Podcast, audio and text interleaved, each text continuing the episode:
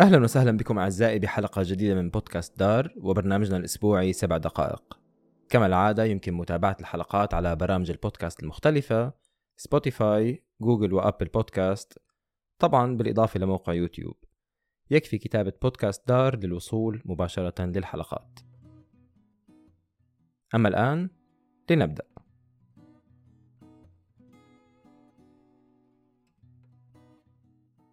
تناولت الصحف النرويجية باهتمام الكارثة الإنسانية الجارية حاليا في باكستان والتي أسفرت حتى الآن عن وفاة أكثر من ألف شخص طلبت باكستان مساعدات دولية وجميع الحكومات والمؤسسات والمنظمات غير الحكومية والمتطوعين آه، إلى تقديم خبراتهم لإنقاذ وإخلاء وتأهيل المتضررين من خلال توفير المأوى والغذاء والمرافق الطبية لهم.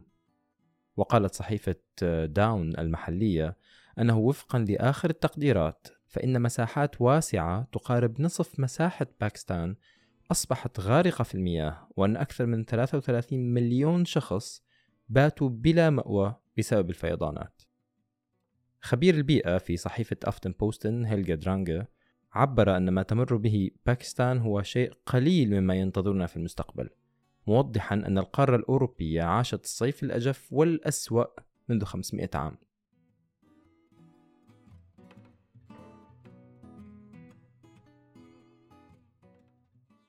أكد بيرنت هايبرغ وهو محامي الدفاع الخاص بزانيار ماتابور نقله إلى مدينة بيرغن. ماتابور آه، هو المتهم بالعمل الإرهابي الحاصل في أوسلو ليلة 25 يونيو حزيران الماضي. مركز الأمن الإقليمي في مستشفى هاوكلاند الجامعي أعلن أنه سيتم قبول ماتابور البالغ من العمر 43 عام هناك من أجل آه، المراقبة القضائية. وهو تحقيق شامل تقوم به الشرطة لتحديد ما إذا كان المتهم جنائيا عاقلا. ماتابور رفض سابقا الأمر مؤكدا أنه عاقل تماما ليعود ويغير رسالته عبر محامي دفاعه يوم الثلاثاء الماضي. علما أن ماتابور كان قد قتل شخصين وأصاب 21 آخرين في إطلاق نار خارج بارات آه، بير بويورنا ولندن بار آه، في أوسلو ليلة السبت 25 يونيو. انضمت النرويج للاتحاد الأوروبي في قراره الصادر يوم الاثنين الماضي والذي ينص على إيقاف العمل باتفاقية بمنح فيز الزيارة لمواطنين الروس. الاتفاقية تم توقيعها بين الاتحاد الأوروبي وروسيا في عام 2007 وحاولت جعل الحصول على فيزا شنغن سهلا لمن يرغب بالزيارة من روسيا. القرار الجديد الذي وقعته 27 دولة لا يعني إيقاف منح الفيز للروس. وإنما بحسب جوزيف بوريل مسؤول الأمن الخارجي في الاتحاد الأوروبي فإن الاتفاق الجديد سيجعل الأمر يحتاج وقت أطول وإثباتات مالية أكبر. روسيا بدورها وصفت قرار هذه الدول بأنه بداية لحرب باردة تجعل الشعوب تعيش بمعزل عن بعضها. أعلنت رئيسة حزب اليسار جوري ميلبو اتخاذها إجراءات راديكالية في الحزب لمنع تأثير حياة العمل على الحياة الأسرية للعاملين في الحزب؟ قرار ميلبو جاء بعد قرار رئيس حزب الخضر إم قرارها بالتنحي عن رئاسة الحزب بسبب حاجتها لقضاء وقت مع أسرتها. ميلبو تريد من خلال الإجراءات الجديدة عدم السماح لحدوث سيناريو مشابه في حزبها حزب اليسار وأن تتمكن الأمهات الناشطات سياسيا من الجمع بين عملهم والحياة الأسرية.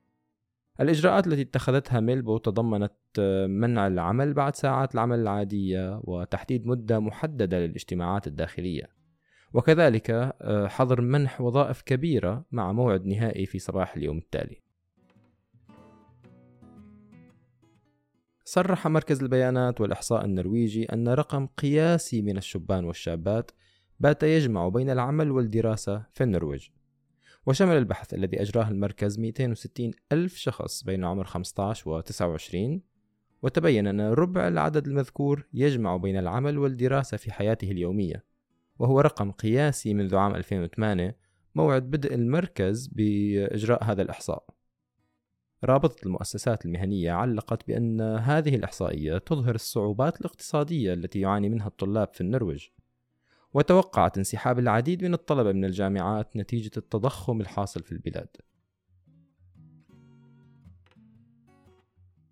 وبخبرنا الأخير لهذا الأسبوع نعت الصحف النرويجية على صفحاتها الأولى القائد السوفيتي ميخائيل غورباتشوف الذي رحل يوم الثلاثاء الماضي عن عمر يناهز 91 عام غورباتشوف هو الأمين العام الأخير للاتحاد السوفيتي الذي انحل في عهده وبقرار منه معلنا تقسيم الاتحاد ل 15 دولة وإنهاء الحرب الباردة مع الغرب.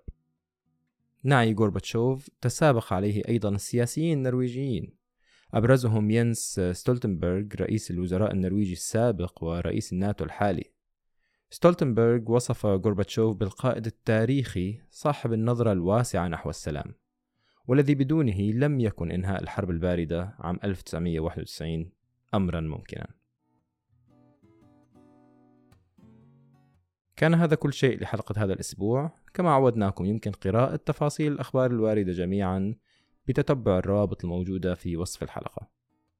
كانت هذه الحلقة من إعداد أسامة شاهين إخراج وقراءة محدثكم أشهم علواني شكرا لاستماعكم. إلى اللقاء.